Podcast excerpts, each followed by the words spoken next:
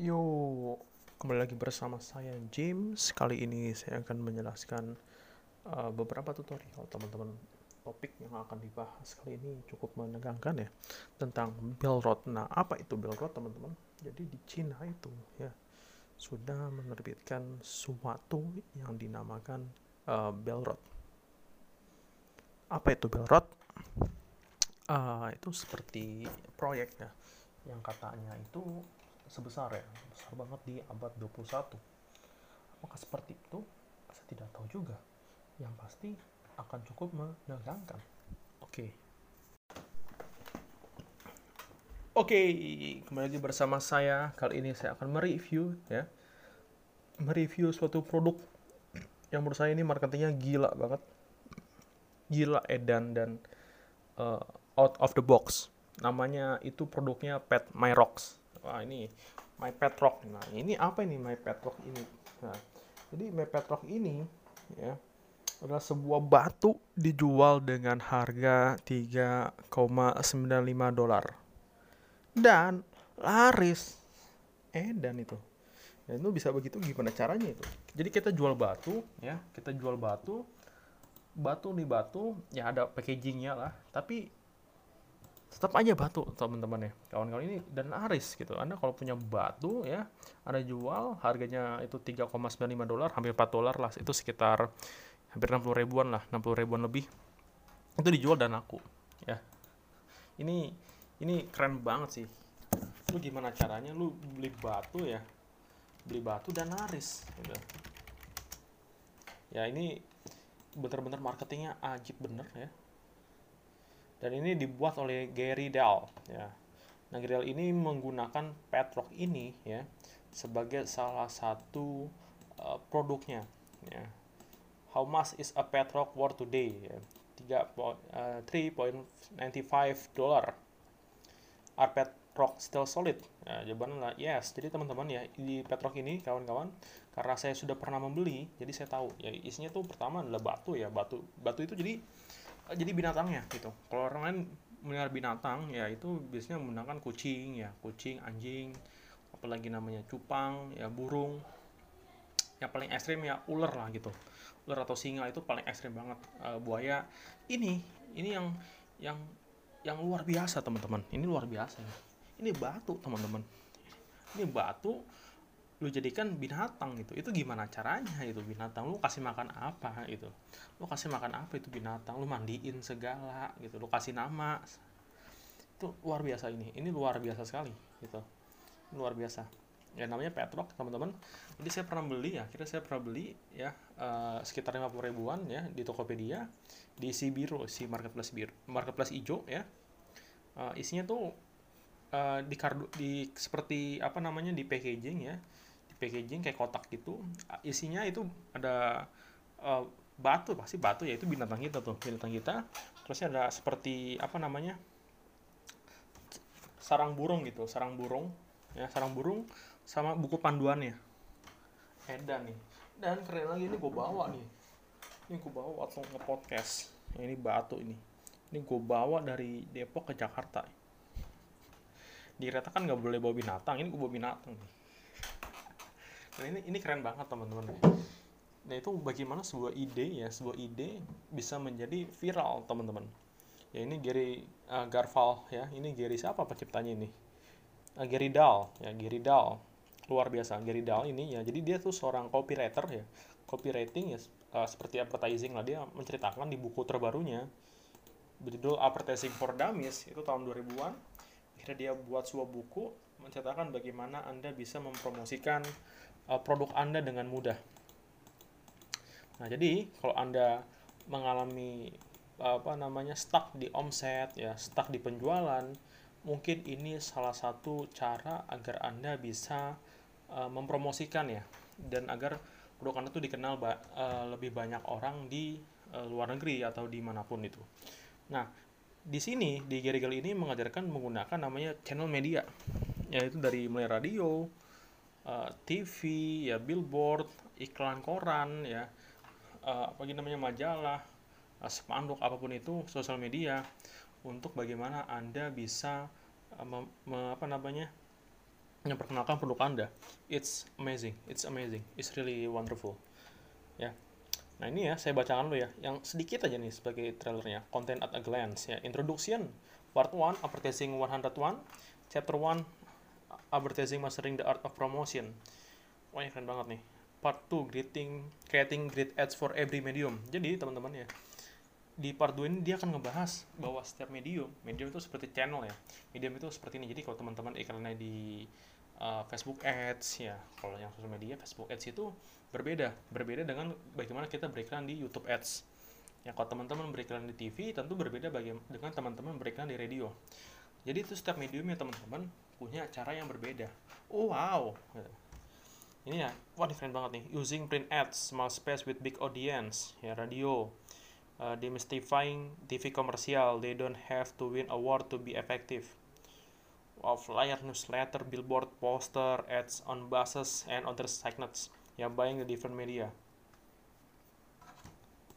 So beyond the basic creating buzz. Nah, jadi di sini juga teman-teman disuruh untuk uh, mengorder ya atau mengorder atau membeli ya, membeli iklan ya, membeli space atau ruangan di uh, di sebuah media ya. Nah, teman-teman juga disarankan untuk di chapter 12 ini untuk menginvest ya, menginvestasi di uh, internet advertising ya atau periklanan di internet. Terus teman-teman juga disuruh ya, Anda juga disuruh untuk membeli uh, bagian iklan ya, bagian iklan di radio. Ya di sorry, bagian iklan di uh, majalah print media. Purchasing time on trade. Jadi Anda juga disuruh untuk membeli waktu ya untuk iklan di radio. Ayo sekarang lu beli di, di gua ya. Getting your ads on television. Nah, jadi Anda juga perlu ya untuk mengiklankan produk Anda di televisi. Deciding whether to hire an agency. Nah, di sini juga dijelaskan bagaimana Anda untuk apakah Anda uh, mau memutuskan untuk menggunakan agensi untuk beriklan atau hanya untuk sendiri ya. Jadi, is good. Beyond the basic creating buzz and using publicity Nah, teman-teman juga sangat penting untuk membuat namanya buzz, yaitu buzz itu seperti apa namanya keramaian lah. Wah, di sekitar produk-produk kamu ya, produk Anda. Terus juga menggunakan namanya word of mouth advertising, ya. Leverage your advertising with public relation. Jadi teman-teman juga perlu uh, apa namanya belajar tentang public relation PR. Ya, publicity, special item, and event. Nah, ini juga diajarkan bagaimana Anda bisa menggunakan event. Ya, the part of 10 ya. 10 secrets for writing advertising ya almost 10 ways to know it's time to hire at agency. Oh, ini keren banget sih. Jadi kalau Anda stuck dan Anda mau meng-hire ya, uh, bagaimana menjual satu produk kalau produk Anda itu Anda jual produk apa pun ya, kalau tahu bagaimana memasarkannya, itu penting sekali. Nah, ini di sini diajarkan. Kenapa Anda baca buku ini? Karena orang ini gila, teman-teman. Kenapa gila? Kenapa? Karena dia jual batu. Dia jual batu itu terjual sampai 1,5 juta yang tercatat ya, yang tercatat ya ternyata ya. Padahal itu pasti ada lebih lagi ya. Wah ini keren banget sih.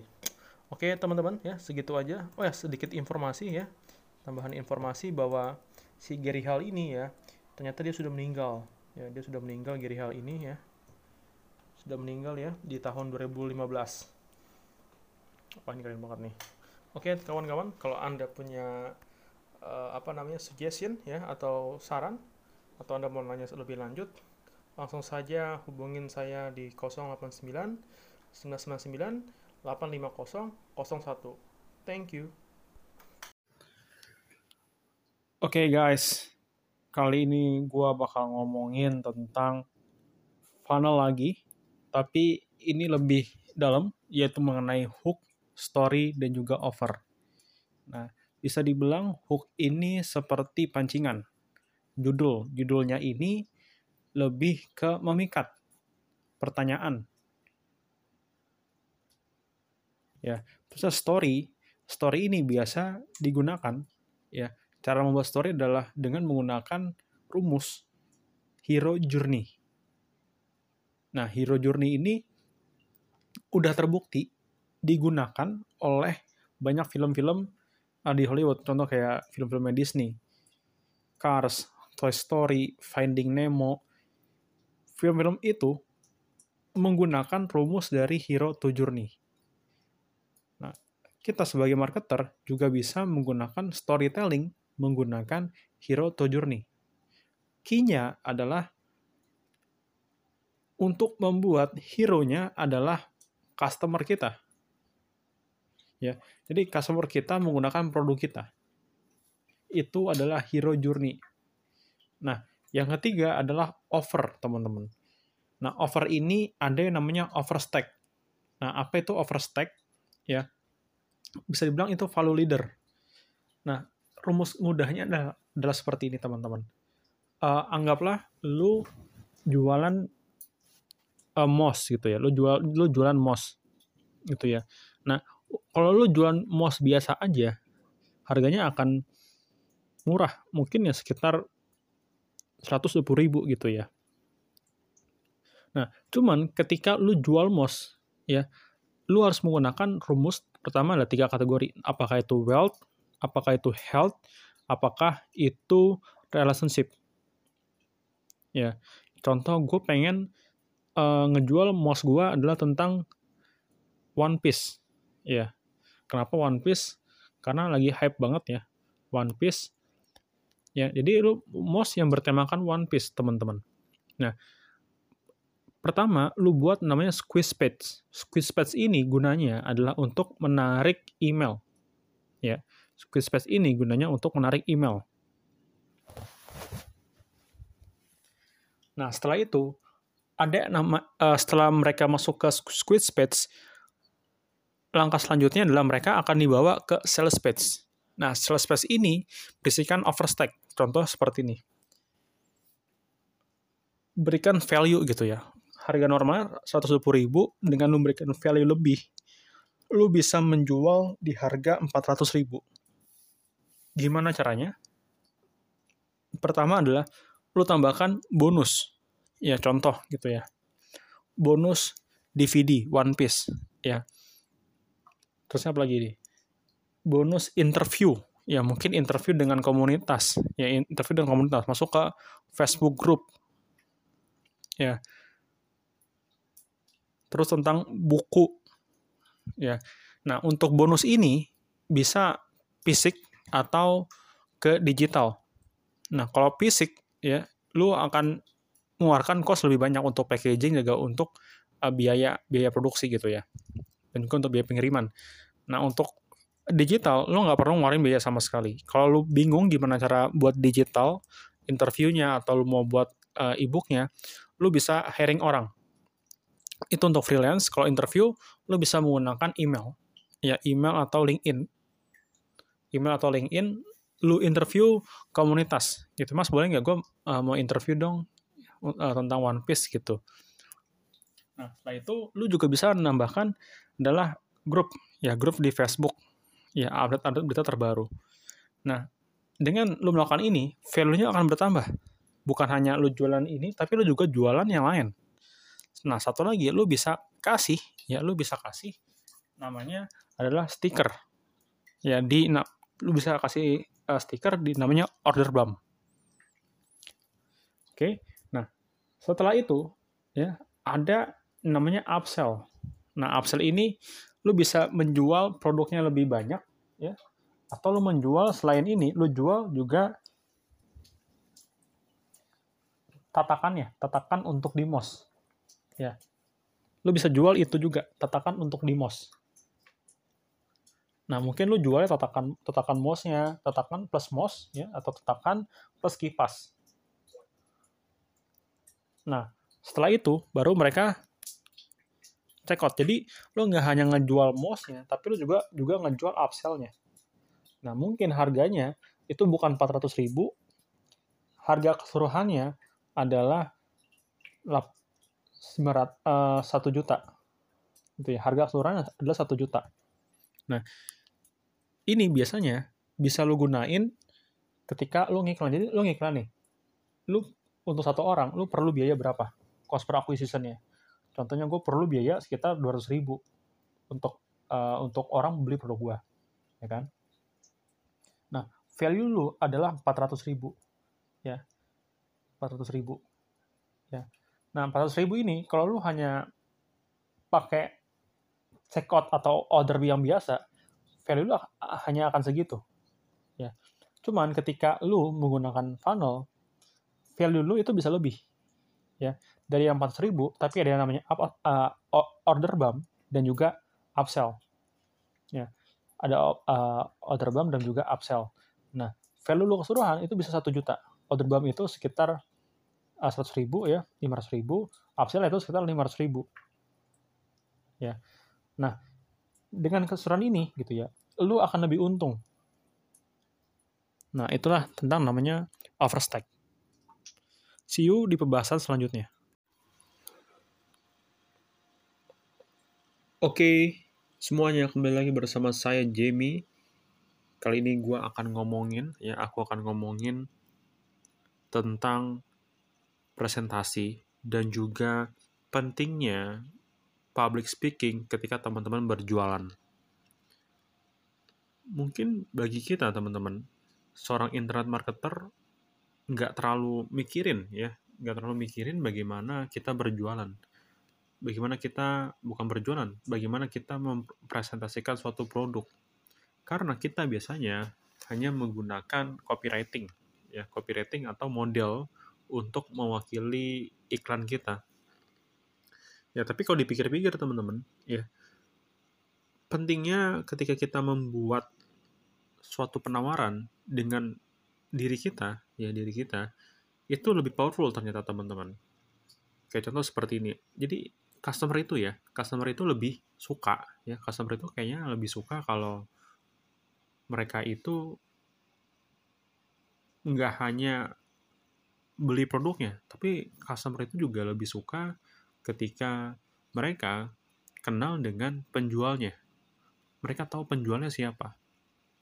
Nah ketika teman-teman berjualan di sosial media, teman-teman mungkin akan bertanya, Mas, apakah gue perlu skill uh, ini? Jawabannya iya, teman-teman. Kenapa? Karena begini, teman-teman. Skill penjualan di offline mungkin teman-teman ada namanya one to one. One to one tuh apa ya? Jadi uh, face to face, satu satu gitu ya. Jadi teman-teman, uh, jadi anda berlawanan satu dan juga lainnya hanya hanya satu orang ya satu orang dan saya pernah lihat ya saya masih ingat waktu saya diajak MLM ya oleh satu kenalan teman saya juga MLM ini kan banyak ya. Jadi one to many. Ya waktu saya datang ke ruangan ke gedung ke, ke, gedung ruangan ada orang presentasi pakai jas ya. Presentasinya bagus ada testimoninya ada uh, urgensinya ya. Limit uh, batas waktu lah gitu. Dari situ saya mulai melihat ya bagaimana mereka presentasi. Jujur teman-teman, saya tidak tertarik. Ya, di situ saya mulai mulai mulai tertarik bukan tentang penawaran ya, tapi bagaimana si pembawa acara ini ya atau penjualnya itu bisa menarik banyak orang untuk bergabung. Ya. Kalau kita one to one atau uh, face to face ya, ketemu orang satu-satu, itu mungkin butuh waktu lama teman-teman untuk closing deal sampai 30 ya anggaplah satu hari itu kita bisa closing ya cuma dua kalau dua kita butuh waktu 15 hari. Ya 15 hari. Waktu waktu saya waktu aku di presentasi ya oleh di gedung MLM itu tersebut ya waktunya cuma 60 menit teman-teman. Ya. Tahu nggak yang datang itu berapa? Sekitar 60 ya karena gedungnya banyak ya orang yang masuk itu banyak. Sekitar mungkin ada sekitar seribuan ya seribu orang yang di gedung itu ada seribu orang waktu dia ngasih apa penawaran offer ya dia ngomong dulu lah. Dia ngomong dulu di tengah-tengahnya mulai ada mulai ngebahas sampai akhirnya uh, dia bilang oke okay, siapa yang mau produk ini? Siapa yang mau menggunakan produk ini? Ya, siapa yang mau menggunakan baju ini? Angkat tangan. Wah angkat tangan.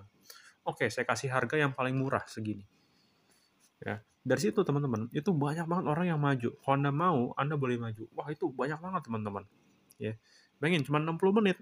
Ya si penjual ini dapetin 60 ya 60 apa? 60 sales. Bayangin. Nah inilah kekuatan dari presentasi teman-teman. Jadi digital marketing juga teman-teman perlu menguasai namanya skill presentasi.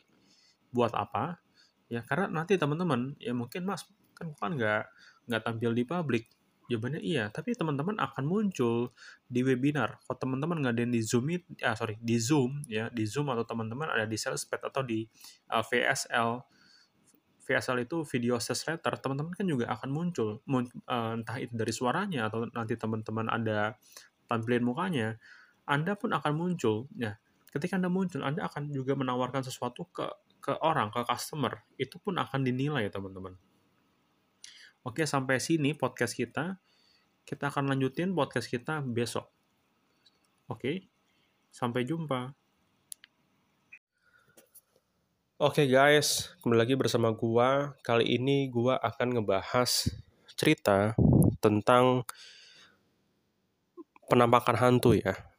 Karena menurut gua fenomena penampakan hantu atau dukun atau tahayul itu masih sering ditemuin di Indonesia uniknya uniknya ya di barat ternyata teman-teman itu jarang sebenarnya orang yang ngebahas hantu. Ya bahkan di negara kita sorry ya gue ini lagi ada pilek. Itu mistis-mistis teman-teman.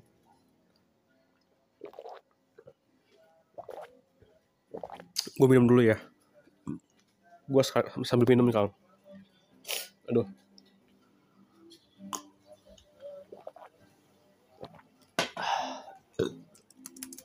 Nah, yang paling banyak ditemuin orang-orang adalah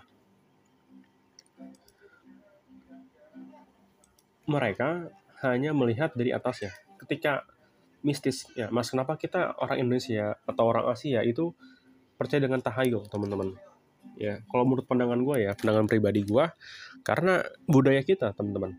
Ya, budaya kita itu mungkin udah percaya mistis. Ya, jadi mistis itu sekarang itu emang diduitin teman-teman. Ya. Percaya atau nggak percaya ya budaya kita memang seperti itu. Nah di bisnis teman-teman teman-teman juga bisa menerapkan uh, apa namanya track marketing uh, apa namanya goib ya. Ya saya masih ingat gitu. Sampai sekarang tuh kepikiran film horor gitu ya. Film horor yang di apartemen saya lupa nama judulnya. Tapi dia bisa menggunakan trik ini ya untuk mengangkat filmnya jadi dia menceritakan rumor tentang di apartemen yang ditinggalin, ya, tentang film horor ya, tahun 2022. Nah, apartemen ini itu jadi banyak yang apa namanya ngomongin. Dan juga banyak diliput media. Ya teman-teman ya. Nah ini juga kalau teman-teman gitu melihatnya anda mungkin juga bisa menerapkan teknik ini. Teknik apa namanya ya teman-teman. Teknik bagaimana teman-teman itu bisa apa namanya memanfaatkan mistis atau kepercayaan dari orang-orang Indonesia di bisnis teman-teman. Ada juga bisnis yang percaya kalau saya ya hanya dia doang nih ya. Kalau gua jualan sama dia pasti laku. Nah, itu kepercayaan teman-teman. Yaitu orang Indonesia orang orang Indonesia aja sih. Hampir seluruh orang Asia seperti itu pola pikirnya. Kebanyakan karena itu budaya kita. Jadi teman-teman ciptakan mistis sendiri gitu ya ritual sendiri di bisnis teman-teman ya. Apakah nanti uh, bisnis teman-teman itu apa namanya ada hal-hal goibnya gitu ya. Hal-hal goib itu yang positif gitu ya. Gunanya hanya untuk track marketing saja teman-teman ya. Sekian ya dari saya untuk podcast kali ini. Kalau teman-teman suka jangan jangan lupa subscribe ya podcastnya. See you Oke teman-teman, kali ini gue akan ngomongin tentang lounge ya. Menurut gue apa namanya produk lounge ya. Kalau kalau lu pernah punya produk atau lu bangun usaha, produk lounge atau lu mau launching produk baru atau brand baru itu sangatlah penting. Masalahnya adalah kita nggak pernah tahu gimana cara launching yang benar. Ya, kita nggak pernah tahu cara launching yang benar. Ini juga yang gue alamin ya banyak uh, eh, gue termasuk orang yang skeptis ketika tentang launching. Ya ya lu launching ya launching aja gitu. Nah ternyata nggak seperti itu. Launching itu ternyata ada tahapannya. Ya ada yang namanya itu pre pre launch ada yang namanya itu pre launch ada juga yang namanya pre launch content. Ada lagi yang namanya dah launching Ada lagi yang namanya itu open card. Ada lagi yang namanya pause. Ada lagi yang namanya adalah close card. Wah. Jadi di dunia digital sebenarnya itu banyak banget launching. Ya, banyak banget launching. Itu mulai dari yang namanya internalnya gue belajar dari Jeff Walker gitu ya. Uh, siapa Jeff Walker gitu ya, lu bisa baca di blognya atau di websitenya. Siapa sih Jeff Walker itu? Menurut gue itu salah satu uh, idol mungkin ya, yang jadi idola gue juga. Gue banyak belajar dari dia tentang launching. Uh, mungkin lu bisa apa namanya bisa ke sana ya, bisa lu, lu belajar websitenya atau blog-blognya atau bukunya. Gue juga belajar dari bukunya tentang launching dan itu benar-benar bagus. Gue recommended untuk lu beli dan lu baca ya bukunya ya tentang launching. Jadi kalau lu mau launching apa sebuah produk atau brand baru di dunia digital terutama itu ada tahapannya ya. Nah tahapannya itu bisa uh, bisa lima hari sampai tujuh hari. Ada juga nanti yang namanya evergreen launching. Jadi evergreen launching ini lu launching ya itu nggak lu tutup, tapi selamanya. Oke, segitu aja teman-teman uh, pembahasan gue kali ini. Sampai ketemu di podcast gue yang selanjutnya. See you. Oke okay guys, kembali lagi bersama gue kali ini. Kali ini gue pengen ngomongin funnel. Ya, gue lagi belajar funnel gitu ya, memperdalam sebenarnya. Dan gue pernah baca bukunya Russell Brunson, baik itu .com Secret, Expert Secret, ataupun affiliate marketing secret ya MLM lah gitu kayaknya MLM traffic secret juga ada udah pernah gue baca. Nah gue kali ini lagi mendalamin mendalamin lebih banyak tentang funnel. Gue belajar juga gue udah ngebeli course-nya Russell Brunson One Funnel Way menurut gue ini salah satu ilmu fundamental digital marketing yang paling penting. Um, betul banget. Paling penting yang gue rekomendasiin buat lo pada. Jadi menurut gue ya kebanyakan kita ini nggak tahu mau belajar dari mana. Saran gue adalah lu belajar langsung ke ahlinya ke expert. Ternyata orang-orang Indonesia itu belajar dari luar. Dia belajar dari luar dibawa ke Indonesia inilah rahasia kenapa produk-produk lo itu kurang kurang disukai sama banyak orang kalau lu produk lo pengen disukai sama banyak orang, buatlah funnel. Kita akan lanjut di episode berikutnya. Oke okay guys, kali ini kita akan membahas ya. Kali ini saya akan aku akan bahas tentang apa itu produk launch dan uh, apa itu produk marketing gitu ya, produk marketing.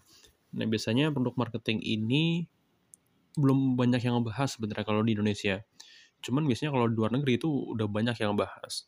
Jadi lebih singkat aja teman-teman ya. Jadi uh, produk gitu ya. Produk itu biasanya hanya diciptakan saja. Ya, cuman problemnya adalah kita nggak tahu bagaimana memasarkan suatu produk.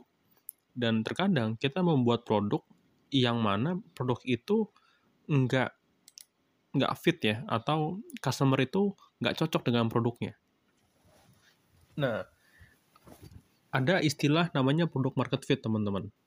Ya, kalau teman-teman pernah dengar podcast kayak sebelumnya, saya pernah bilang tentang namanya adalah bisnis model canvas dan juga value proposition. Nah, untuk mendapatkan value proposition, teman-teman harus mendapatkan namanya produk market fit dulu. Nah, setelah teman-teman mendapatkan produk market fit, teman-teman mulai menggunakan namanya adalah framework dari produk marketing. Ya. Nah, produk marketing ini, teman-teman, ya itu bakal banyak itu mulai dari positioning, roadmap, onboarding, sales enablement, terusnya ada lagi yang namanya adalah uh, apa namanya session ya finance, customer success, pokoknya banyak banget teman-teman itu tentang produk marketing. Oke, seperti itu dulu teman-teman untuk podcast kali ini. Ya, agak cepet ya karena gue nggak tahu apa yang mau dibahas. Yang penting podcast aja. See you di podcast selanjutnya. Oke, kembali lagi bersama saya ya. Kembali lagi bersama kita berjumpa lagi. Kali ini saya akan membuat ya sebuah episode tentang uh, pitch ya, The Real Vince Over. Ini keren banget ya. Namanya Slap Chop. Ya, tapi saya nggak ingin ngebahas produknya.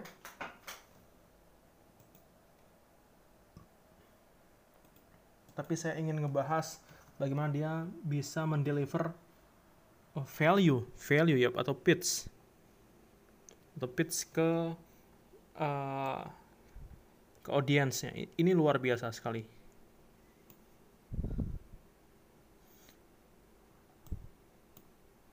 Sam How Guy ya. Oke, jadi namanya adalah Vince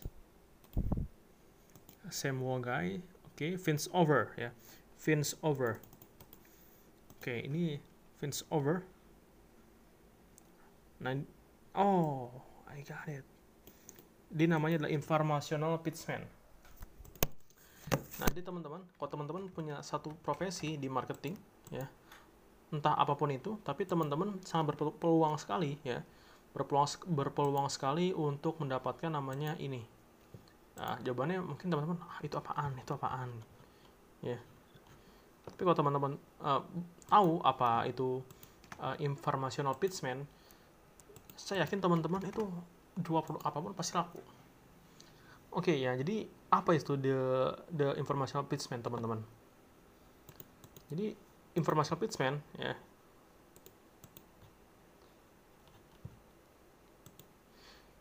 adalah is a longer form video or television advertisement than act as a standalone program to pitch a good or service with a call to action. Informational are different than regular commercial because they last longer and have no breaks in the program. Nah, jadi teman-teman kalau uh, mau ya mau mengikuti ini ya, saran saya teman-teman bisa mencari di Google namanya Vince Over atau Bill Mays. Ya Bill Mays. Karena saya terinspirasi dari uh, beberapa ya beberapa dari ini ya. Bill Mays ada lagi namanya juga uh, First House ya. Ada sticky komersial pineapple twist informational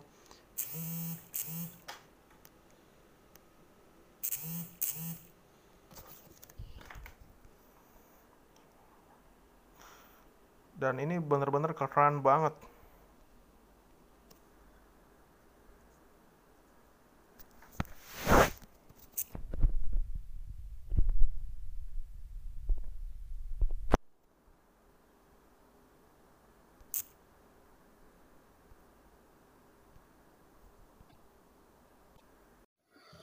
Oke okay guys, kembali lagi bersama saya. Kali ini saya akan ngomongin tentang value leader. Ya, kenapa value leader itu penting sekali ya untuk anda gunakan? Karena sebenarnya value leader ini ya kunci ya kunci dari produk atau offer dari bisnis anda.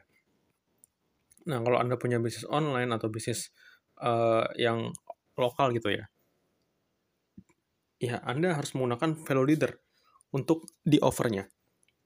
Ya, saya akan menjelaskan seperti ini. Ya, anggaplah Anda ingin menjual uh, workshop ya atau training yang sangat mahal sekali. Ya, training yang sangat mahal sekali. Harganya adalah 40 juta untuk satu orang. Ya, akan sangat sulit ya, akan sangat sulit untuk menjual ke orang-orang. Kenapa? Pertama orang nggak mengerti kenapa gue harus ikut apa namanya workshop ya atau training yang harganya gede banget 40 juta. Ya. Yang kedua gue juga nggak mengenal lu siapa. Nah itu di pikiran orang-orang teman-teman. Ya. Itu objection objection atau penolakan ya penolakan. Nah teman-teman sebelum pergi ke 40 juta ya training 40 juta untuk satu orang yang teman-teman lakukan apa? Pertama, Anda Anda membuat offer yang lebih kecil dulu. Ya. Anda membuat offer yang kecil dulu. Contohnya seperti ini. Yang di langkah pertama, Anda bisa memberikan ya, memberikan semacam informasi informasi yang gratis. Informasi yang gratis. Apa Anda mau training nih? Ya Anda mau training tentang business development ya, atau tentang marketing ya, tentang marketing yang lebih advance gitu ya. Nah, di level paling bawah ya, di level paling bawah Anda bisa memberikan ya checklist ya, checklist checklist tentang kegiatan dari marketing. Ya, checklist bisa bentuknya itu checklist ya, atau juga bisa bentuknya mini course yang dikasih gratis, atau Anda juga bisa buat konten. Ya, ini ini gratis ya. Ini gratis. Nah, setelah itu ya, setelah orang-orang ini meng- mengkonsumsi ya, mengkonsumsi produk Anda, Anda bisa lanjut ke penawaran selanjutnya. Nah, di penawaran selanjutnya ini, Anda bisa mencharge atau uh, melakukan promosi, uh, bukan promosi, apa namanya? Anda bisa menjual ke customer dengan harga yang murah. Ya, dengan harga yang murah. Contohnya, contohnya mungkin Anda bisa memberikan sebuah buku ya sebuah buku ya tentang kegiatan marketing ya buku ataupun anda bisa menginterview orang yang sudah hebat di bagian marketing ya atau orang terkenal ya anda bisa menjual ke mereka dengan harga yang murah nah yang kedua setelah itu anda lanjut ke tahap uh, ke step berikutnya yaitu uh, harga yang lebih tinggi ya harga yang lebih tinggi nah di sini anda juga bisa memberikan adalah audio. Ya, audio. Audio. Nah, audio mungkin juga bisa dikasih juga um, apa namanya? E-book. Ya, e-booknya berbeda tapi ya audio. Nah, audio. Nah, setelah itu Anda juga bisa memberikan harga yang lebih tinggi lagi di tahap selanjutnya itu ke home study course. Ya, home study. Nah, setelah itu, ya home study course ini harganya lebih mahal ya. Nah, setelah itu Anda juga bisa memberikan uh, offer ya, tiga hari live event. Ya, tiga hari live event. Nah, setelah itu Anda juga, setelah 3 day live event, Anda bisa menawarkan ke yang paling tinggi harganya. Itu yang di 40 juta tadi. Ya. Nah, saya akan berikan contoh ya. Anggaplah dari 100% orang yang masuk ke penawaran pertama Anda yang apa namanya? yang download ya, download checklist Anda ya hanya sekitar 20 sampai 30% saja itu yang membeli buku Anda. Ya. Dari 23 23 20% sampai 30% ya, hanya 50% saja ya yang membeli ya yang membeli audiobook Anda. Nah, dari 50% yang membeli audio, audiobook Anda, hanya sekitar ya, hanya sekitar 5% saja orang yang menghadiri acara live event Anda. Nah, dari 5% itu, hanya 1% saja yang akan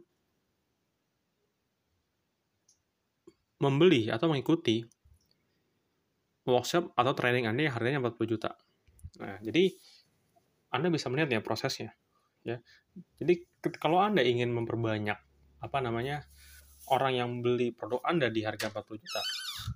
Nah, langkah pertama adalah Anda mendatangkan traffic lebih banyak untuk orang yang mendownload buku Anda. Oke. Nah, setelah itu ya Anda menaikkan offernya. Ya, Anda menaikkan offernya, berikan value ke mereka buat mereka itu puas. Ya, buat mereka puas. Oke. Nah, setelah itu, ya, Anda, ya, Anda akan mendapatkan customer yang lebih banyak. Ya, itulah rumus dari uh, uh, apa namanya produk dan juga offer. Jadi ketika mau menjual harga yang lebih mahal, terlebih dahulu Anda harus membuat kasih value yang gratis, minimal gratis, atau minimal orang itu beli dengan harga yang murah. Contoh kayak 20 ribu, lu udah bisa beli buku, udah dapetin buku nih. Gue yang tanggung, apa namanya, uh, apa namanya uh, bukunya tinggal lu yang nanggung untuk biaya kirim nah seperti itu kita ataupun bukunya dijual uh, harga bukunya gratis cuman lu perlu bayar biaya pengiriman dan juga biaya untuk membuat bukunya itu isi bukunya lu dapat gratis gitu ya seperti itu teman-teman untuk membuat namanya value ladder terima kasih Oke okay guys, kali ini gue akan ngomongin ya tentang namanya persona ya ini berkaitan banget dengan namanya konten. ya dan juga konsistensi. Uh, kalau lo mau tahu ya, gue pun sampai sekarang lagi challenge diri gue ya untuk uh, membuat podcast ya, membuat podcast setiap hari, mengetik Twitter setiap hari, membuat status di uh, Facebook setiap hari ya dan juga melakukan pitching setiap hari ya. Gunanya apa teman-teman ya? Sebenarnya banyak orang yang menyadari ya. Sebenarnya tuh se sebelum ya, sebelum apa namanya? Gue belajar dari stand komedi ya. Sebelum kayak contoh lah, anggaplah bintang ya, kayak uh, Raditya Dika itu jadi artis terkenal dia, jadi stand komedi terkenal. Dia tuh main dulu ke bawah-bawah. Dia tuh main dari kafe ke kafe ya, yang underground lah bisa dibilang, sampai akhirnya dia tuh udah terbiasa. Dia akhirnya bisa naik ke puncak ya ke ke puncak yang lebih besar. Nah, uh, sama seperti main bola teman-teman. Ya, seperti main bola ini. Ini saya kasih perumpamaan seperti main bola. Ketika orang bermain bola, ya, yang kita lihat hanya seminggu sekali. Ya di di apa namanya? pertandingan yang resmi ya. Se sebenarnya kenapa orang itu bisa jago? Karena dia bermain setiap hari, teman-teman. Dia latihan setiap hari. Ya, dia latihan setiap hari, ya. Mulai dari training ya uh, apa namanya? uh, di gym ya dia di gym ya terus dia juga sebelum bertanding ya bahkan dia bertanding itu ada precision ya itu setiap hari ya pertandingan lawan tim ya uh, sesama kawan itu dia berlatih teman-teman sampai akhirnya dia tuh apa namanya jago jadi ahli jadi expert. Nah sama seperti teman-teman uh, di bidang apa pun anda ya saya sarankan mulai sekarang teman-teman mulai berlatih ya. Anda mulai berlatih ya. Baik itu Anda melakukan pitching ya, Anda melakukan penjualan, Anda mulai apa namanya, uh, mungkin bagian Anda adalah uh, finance ya, Anda harus berlatih setiap hari ya untuk menghitung uang kalau di finance ya, kalau di bagian apa penjualan, Anda bisa berlatih uh, dengan bahasa tubuh, dengan uh, apa namanya intonasi suara. Ya, bagaimana Anda kalau Anda juga bagaimana Anda bisa meyakinkan orang untuk membeli produk Anda. Nah, juga penting ketika Anda seorang brand, ya Anda harus sebelum membuat brand asli, kalau belum ada project, Anda juga bisa membuat uh, demo brand ya, demo brand. Jadi Anda mengandaikan ya, mengandai, uh, mengandai, mengandai katakan bahwa Anda sudah punya project ya, tapi padahal itu awang-awang ya, tapi Anda mengerjakan project itu. Sampai akhirnya ketika Anda dikasih uh, project beneran, Anda akan terlihat lebih mudah, akan sangat mudah sekali bagi Anda. Karena Anda sudah pelatihan sebelumnya ya di industri apa pun anda maupun anda uh, di bidang masak ya kalau anda masak ya um, anda berarti dulu sebelum anda jualan gitu. Anda berarti maksudnya berarti belum sebelum jualan tuh anda masak dulu makanan yang enak ya. Berbagai macam menu yang enak ya. Anda anda uh, trial and error ya. Anda coba dulu coba coba coba coba semuanya gitu ya. Baru anda jualan. Nah itu juga ya yang saya lakukan sampai hari ini ya. Saya lagi konsisten untuk membuat podcast setiap hari ya. Walaupun saya nggak tahu temanya apa ya, walaupun saya nggak tahu mau bikin konten apa, tapi saya konsisten. Ya, itu aja teman-teman untuk podcast kali ini ya. Semoga menghibur ya, semoga memberi pencerahan. Yang penting satu konsisten ya, walaupun nggak ada temanya sama sekali. Yang penting bikin aja dan konsisten. Oke, terima kasih. Sampai jumpa di podcast selanjutnya. Menjadi cerdas atau menjadi kreatif. Ini menarik ya menurut lo mana sih yang lebih baik? Dan kalau misalnya lo dikasih pilihan buat jadi super cerdas atau super kreatif, kira-kira lo bakal milih yang mana? Kita mungkin tahu ya, ada orang yang di sekolah rajin gitu, tapi ketika ditanya soal inovasi, itu ada juga yang banyak banget ya idenya dan lain sebagainya. Tapi ketika eksekusi, terus ketika ditanya suatu masalah, jawabannya apa kayak dilema. Tapi di video ini gue bakal memaparkan kedua aspek ini karena ya seru aja sih ngebahas serba-serbi orang cerdas dan orang kreatif. Karena kita tahu sekarang itu mungkin bisa dibilang orang yang terkaya di dunia itu bisa jadi memiliki minimal salah satu domain dari kedua domain tersebut. Dan kita juga pengen cari tahu apakah lo termasuk salah satunya atau justru enggak. Atau justru enggak dua-duanya. So, lo tonton video ini sampai habis, biar lo bisa dapat keseluruhannya. Part 1. Apa itu orang cerdas? Kita mulai dengan orang cerdas. Sebenarnya orang yang cerdas itu yang kayak gimana sih? dari sumber yang gue baca, ya jelas orang cerdas itu berkaitan sama intelijensi. Dan kalau kita ngomongin soal intelijensi, kita ngomongin soal EQ. Tapi kita bentar dulu deh. Ngomongin EQ, emang orang yang intelijensinya tinggi itu ngapain sih? Orang yang intelijensinya tinggi itu adalah orang yang bisa menyelesaikan masalah seiring perkembangan zaman. Definisi orang yang cerdas memang agak sulit. Maksudnya sulit adalah berganti-ganti bisa jadi karena mungkin dulu cukup bisa nyari makan, lu bisa berburu, lu bisa meramu gitu ya. Dan ya udah lu, lu bisa menguasai ketiga hal. Ini lu bakal jadi orang yang dianggap cerdas pada masanya. Dan itu cukup untuk survive, untuk menyelesaikan masalah kehidupan di zaman ribuan tahun lalu. Tapi kalau misalnya lu tanya orang sekarang, ya orang yang jago berantem, berburu, sekarang lo mungkin lebih bagus orang yang jago branding, ya branding kekayaan dan lain sebagainya. Atau mungkin jadi content creator, tapi yang jelas cerdas itu juga kalau kata orang sih ada berbagai domain. Kayak misalnya bilang bisnis, dibilang apa, dibilang apa gitu. Nah, ini juga bisa dibilang sebagai kecerdasan. Tapi intinya kita bisa sepakat kalau secara umum, orang yang kita anggap cerdas adalah orang yang bisa nangkep berbagai macam informasi dan bisa nyelesain berbagai macam masalah dengan cepat. Dan ini juga udah kita sepakati bahwa kemarin juga kan gue habis gue bahas soal hoki, soal grade kecerdasan tuh jauh lebih penting daripada lo kerja keras, daripada lo passionnya sama hal yang lo coba.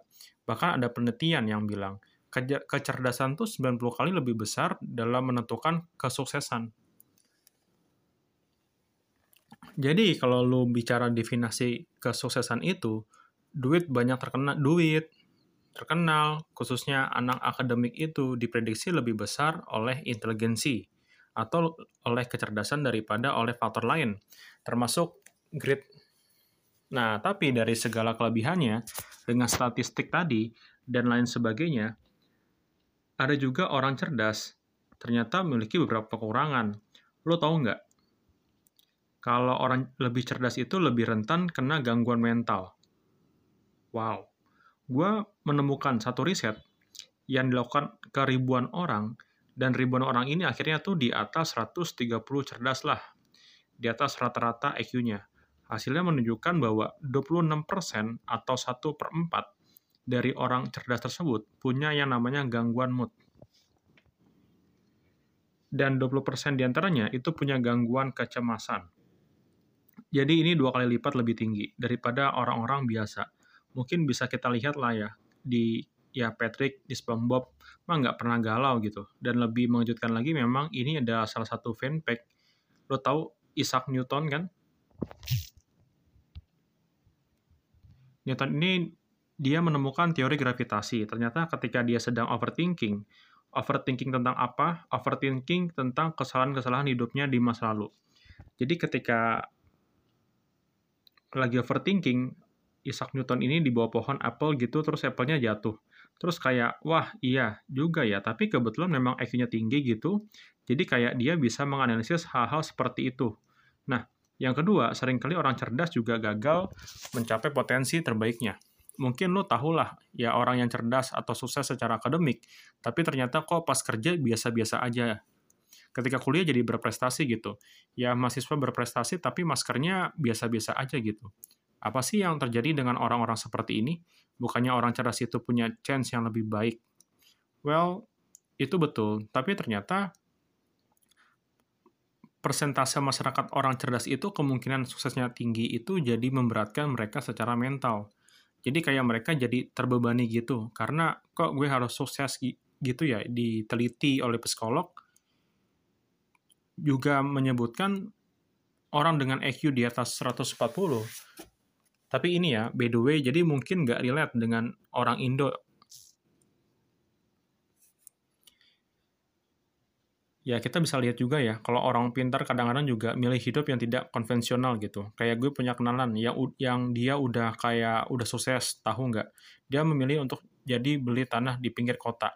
Jadi petani, mungkin keputusan yang tidak konvensional buat banyak orang. Tapi buat dia itu konvensional. Mungkin karena ya udah jenuh aja sih sama berbagai macam kegiatan di kota. kayak berbagai macam ekspektasi yang ditaruh ke dia gitu. Akhirnya di riset ini juga ditunjukkan bahwa kebanyakan dari orang-orang cerdas ini justru malah punya karir dan penghasilan yang biasa saja. Tentu ini berbeda ya dengan orang yang tidak cerdas dan merasa bahwa dianya sukses. Nah, gue pengen denger juga sih, nah gue pengen juga denger cerita lu. Mungkin yang punya EQ atau lu punya temen yang EQ-nya tinggi, pengalaman lu gimana ketika lu berinteraksi dengan orang cerdas ini? Coba lu cek di comment section, ceritain aja, nanti mungkin yang bagus-bagus komen lu bakal gue bales.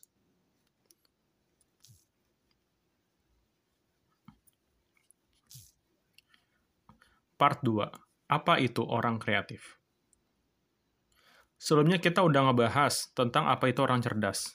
Nah, kita bakal coba breakdown di yang kreatif ini seperti apa ya terutama dari perspektif psikologi dan disclaimer kalau ngomongin soal kreativitas skripsi gue juga gue meneliti soal grit dan kreativitas ya bisa dicek di gambar ini dan yang jelas si kreativitas ini tuh masih sangat diperdebatkan variabelnya tapi kita mencoba menetapkan variabel kreativitas adalah dengan definisi kreativitas adalah orang yang bisa menemukan ide yang original dan efektif. Jadi ya kira-kira batasi jadi kalau lu punya definisi lain silakan nanti lu bisa bahas di comment section. Tapi kita batasin dulu ya. Simpelnya orang kreatif adalah orang yang mampu menciptakan ide yang original jadi ide yang baru daripada sebelumnya. Dan ini mampu menyelesaikan masalah secara efektif, jadi bukan cuma baru, tapi kayak gagal, tapi juga baru, tapi juga sukses. Mungkin kita bisa lihat dari Steve Jobs ya sekali ya dia menciptakan pertama kalinya kalau nggak salah tuh HP HP full screen. Meskipun bisa jadi bukan yang pertama kali tapi bisa dibilang kreatif karena dia menciptakan iPhone dan sukses waktu itu. Di pasaran sampai sekarang itu bisa dibilang kreatif dan psikologi. Itu ngebagi kreativitas jadi dua hal. Sebetulnya jadi ada kreatif potensial dan kreatif achievement. Nah, gue jelasin kreatif potensial adalah kemampuan seseorang buat nyiptain sesuatu yang baru dan berguna. Nah, jadi itu kreatif potensialnya. Entah dalam hal seni ataupun uh, hal kreatif ataupun hal lain. Nah, kalau kreatif achievement bisa jadi realisasi dari kemampuan seseorang, apakah dia cuma bisa ngide doang, jadi ngasilin ide baru doang, atau dia juga bisa eksekusi.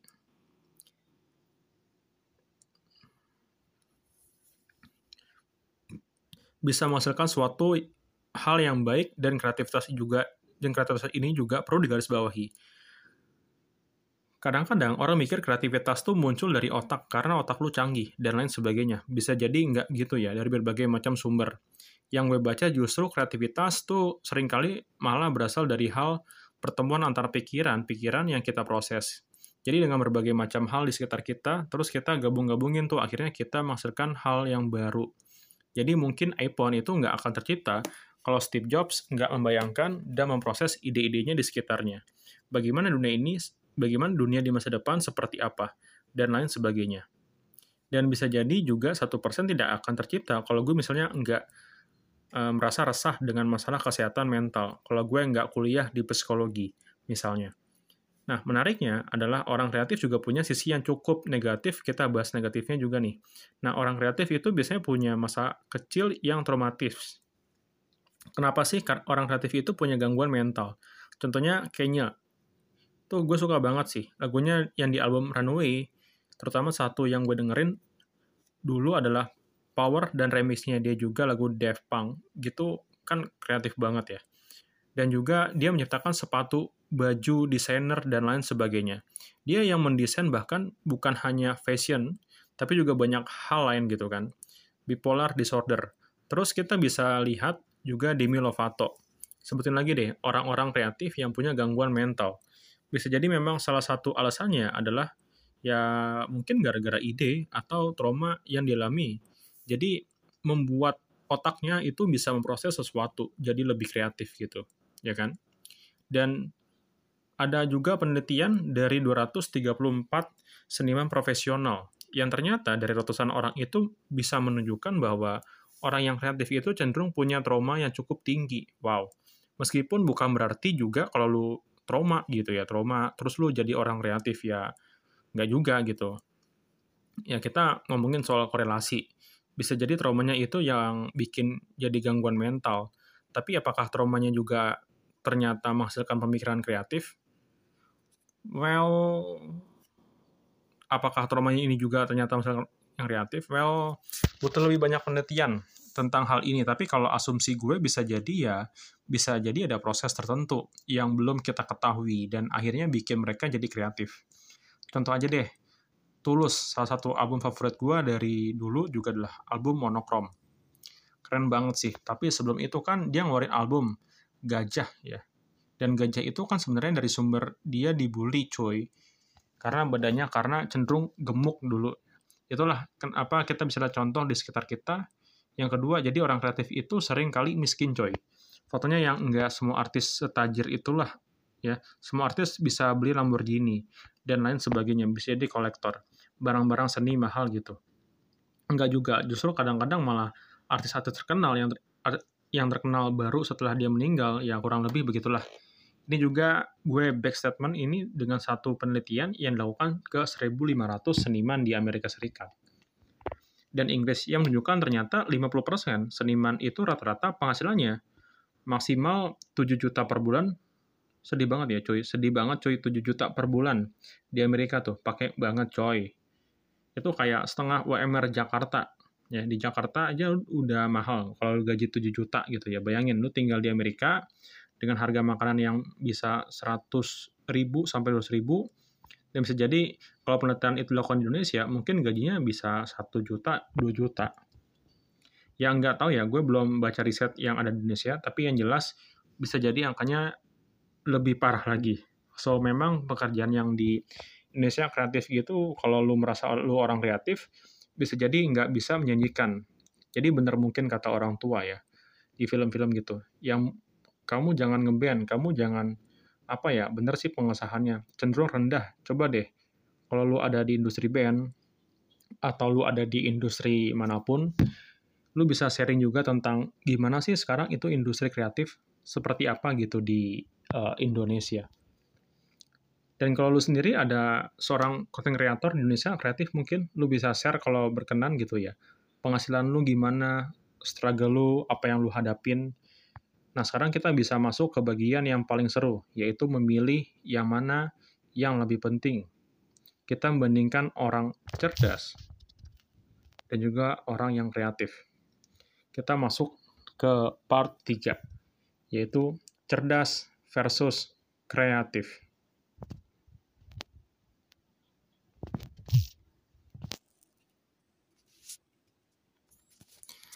cerdas versus kreatif, mana yang lebih baik?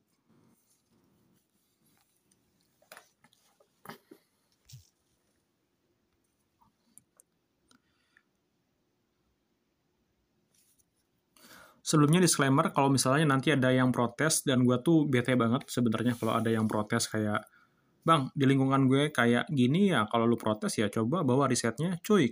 Karena satu persen juga ketika kita ngejelasin ini, kita pakai riset yang kita temuin. Kalau misalnya lu nggak setuju atau misalnya lu ada apa namanya juga argumen ya, silakan lu bisa cari risetnya. Dan justru kita sangat menghargai kalau argumen lu itu didasarkan oleh riset atau apa pun lah, yang penting ada datanya. Jadi disclaimer aja, ini dari riset yang kita temuin, dan kalau lu ada riset yang lebih bagus, kita bakal sangat menerimanya. Oke, meskipun argumen itu melawan argumen kita, karena kita di sini kan nyari yang terbaik ya. Jadi nyari yang mana yang lebih mantap, oke, cerdas atau kreatif, oke kita langsung ya jawab uh, jawabannya lagi-lagi kalau lu udah sering nonton satu persen, lu udah tahu lah jawabannya. Jawabannya adalah dua-duanya coy.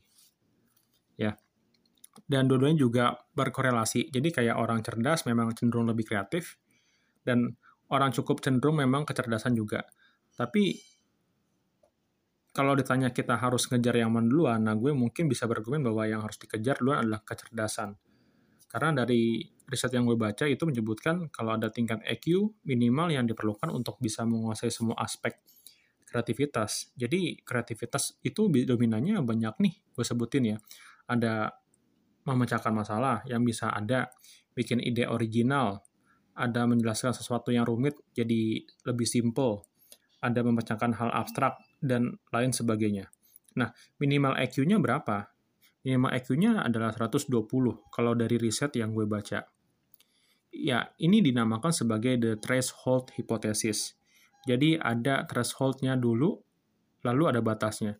Kalau lu pengen bisa menguasai semua domain-domain kreativitas, jadi kalau menurut hipotesis, ini gue ulangi sekali lagi ya, kalau orang uh, eh, IQ-nya di bawah 120 itu jadi bisa jadi kreatif tapi nggak fully kreatif. Nggak bisa naik level. Ibaratnya ya kalau lu di game lu harus masuk skill ini dulu baru skill ini baru jadi gitu.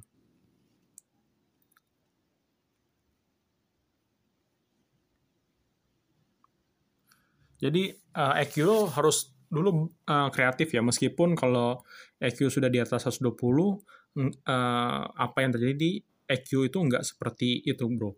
Ya, karena kreativitas jadi yang penting itu EQ lu 120 terus lu bisa kreatif. Tapi kalau di atas itu lu nggak ngaruh ngaruh banget sih. So kesimpulannya adalah apa kesimpulannya ya? Lu harus pinter. Nah, terus gimana cara ningkatin kreativitas? Kreativitas itu juga penting loh. Berarti harus sampai 120 EQ lo. Habis itu gimana buat ningkatin kedua hal ini? Ada satu jawaban yang menurut gue penting, satu hal yang bisa meningkatkan kreativitas dan juga IQ adalah kepribadian. Yes. Jadi kita setelah ini kita bakal ngomongin faktor yang bisa banget lo maksimalin yaitu kepribadian. Entah lo kurang atau entah lo lebih, kita bakal bahas tentang suatu hal yang bisa menjembatani antara lo menuju kesuksesan.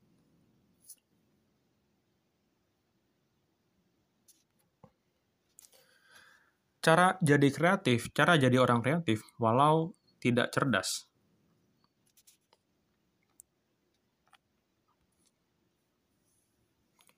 Kalau ngomongin kepribadian, salah satu tes kepribadian yang penilaiannya sangat uh, amat menurut uh, bisa bilang keren gitu ya atau keren tuh apa cocok gitu ya. Menurut gue itu adalah tes Ocean atau tes Big Five Personality. Jadi kalau lu ngomongin kepribadian, terus lu ngomongin MBTI atau apa, sorry, ya menurut gue itu nggak terlalu valid. The Big Five Personality salah satu aspek yang bisa ningkatin kreativitas lo. Adalah salah, ini satu aspek yang namanya adalah open to experience. Jadi kalau lo belum tahu, OCEAN itu adalah singkatan Open to Experience. Itu ada di singkatannya, O-C-nya itu. C-nya itu konsentrisme, dan lain sebagainya. Open S2 experience ini adalah faktor yang bisa menentukan apakah orang bisa memaksimalkan kecerdasannya dan kreativitasnya atau tidak. Nah, nah, orang dengan open to experience yang tinggi itu cenderung lebih terbuka dengan pengalaman yang baru. Jadinya orang itu cenderung lebih curious, ya, penasaran, punya im imajinasi yang tinggi, rasa ingin tahu, dan ini bikin orang jadi semangat belajar. Jadi sukalah dengan namanya ilmu pengetahuan. Nah, nah ini adalah aspek yang bisa banget lo tingkatin lo dengan ngeklik video-video edukasi entah dari satu persen ataupun dari channel lain udah menggambarkan bahwa lo uh, haus ya akan ilmu pengetahuan kalau misalnya lo pengen jadi orang cerdas yang kreatif tapi lo merasa sekarang belum cerdasan kreatif atau lo merasa sudah cerdas dan kreatif tapi kok tidak sukses-sukses gitu ya hahaha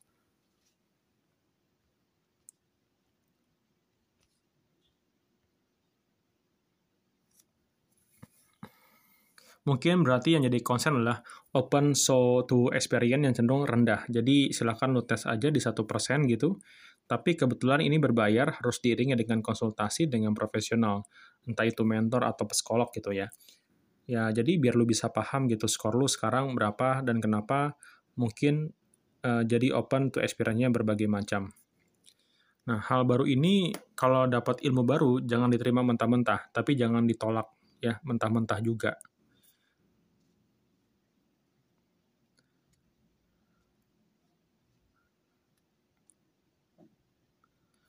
ada jadi asah kreativitas lo. Jadilah yang namanya lifelong learner, pembelajar sepanjang hayat. Epilog. Dari video ini kita bisa menyimpulkan bahwa dua aspek terpenting kecerdasan maupun kreativitas, tapi yang jelas kalau gue bisa pilih dari bukti yang gue temukan ya, maka kecerdasan lebih penting. Ini menurut gue ya, daripada kreativitas. Bukan masalah karena dia lebih tinggi, tapi karena dia mesti didudukan mengingat si, si kreativitas ini domainnya akan berfungsi kalau si IQ-nya ini levelnya udah tinggi. Yaitu yang pertama, yang bisa kita simpulkan, dan yang kedua, gue juga mau disclaimer, bukan berarti orang yang cerdas ya atau nggak kreatif orang yang kreatif gitu atau yang atau yang nggak kreatif itu nggak bisa sukses. Tentu pasti akan ada outliers pasti akan ada chance atau kesempatan lain pasti akan ada aspek-aspek yang tentunya di dunia nyata ini pasti banyak banget lah aspek-aspek dalam kehidupan.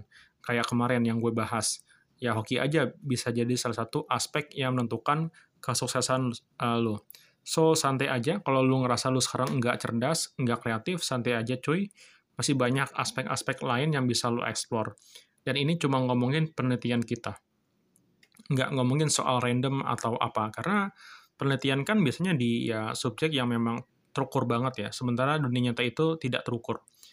Sebetulnya dan yang ketiga, nggak semua orang harus sukses seperti didefinisikan oleh satu persen. Uh, didefinisikan. Oleh satu persen juga definisi sukses itu apa sih dari hari perbankan juga? Mungkin bukan berarti gue nggak mengejar sukses juga ya. Dan bukan berarti gue juga tidak mengejar kesan, uh, kesantun, kesantuan gitu. Ya dengan gue bikin statement kayak gitu gue tidak mendukung yang mana pun. Tapi yang jelas gue menjadi balance dunia self improvement ini. Yang cenderung memang sering kali ngejar kesuksesan banget. Atau kadang juga sering kali mengejar uh, keuangan banget nah gue mau ngasih balance antara kedua hal itu makanya di video-video kadang-kadang mungkin lu pikir satu persen tuh kontradiktif, padahal enggak. Justru kita ngebalance mendapat dari satu sama lain. Biar nanti lu bisa menentukan yang terbaik buat diri lu sendiri. Kalau enggak, kalau nggak bisa gimana ya? Kalau nggak bisa, lu bisa konsultasi ke profesional. Ke, ke profesional sih, siapa tahu kan lu lagi mengalami uh, court life crisis ya. Ternyata memang lu memang orang yang cerdas dan kreatif. Eh, tapi lu punya masalah kesehatan mental. Itu juga ya uh, nah itu juga silakan ya karena tadi orang cerdas cenderung punya masalah kesehatan mental. Saran gua nih ya saran gua lu bisa periksakan saja ke mentor atau psikolog. Nanti akan dites. Bukan cuma tes kepribadian Ocean tapi juga berbagai hal lain kayak tes kesehatan umum. Jadi lu tahu kesehatan mental dan fisik lu gimana tes minat karir buat lo yang bingung juga nanti lo bakal tahu kayak gimana ya. Silakanlah eksplor lebih banyak pengetahuan di dunia ini. Dan ngomong-ngomong tentang open di 1%, juga ada webinar yang wajib menurut gue kalau lo adalah fan 1%. Atau udah nonton dari dulu. Alangkah baiknya kalau lo nonton series Life Skill Curriculum. Yang memang udah kita buat yang segitiga ini yang lo mungkin udah sering lihat, kita bakal sharing ke lo soal gimana level 1, 2, dan 3 di tiga webinar series. Di tiga webinar series ini. Pertama, life skin introduction.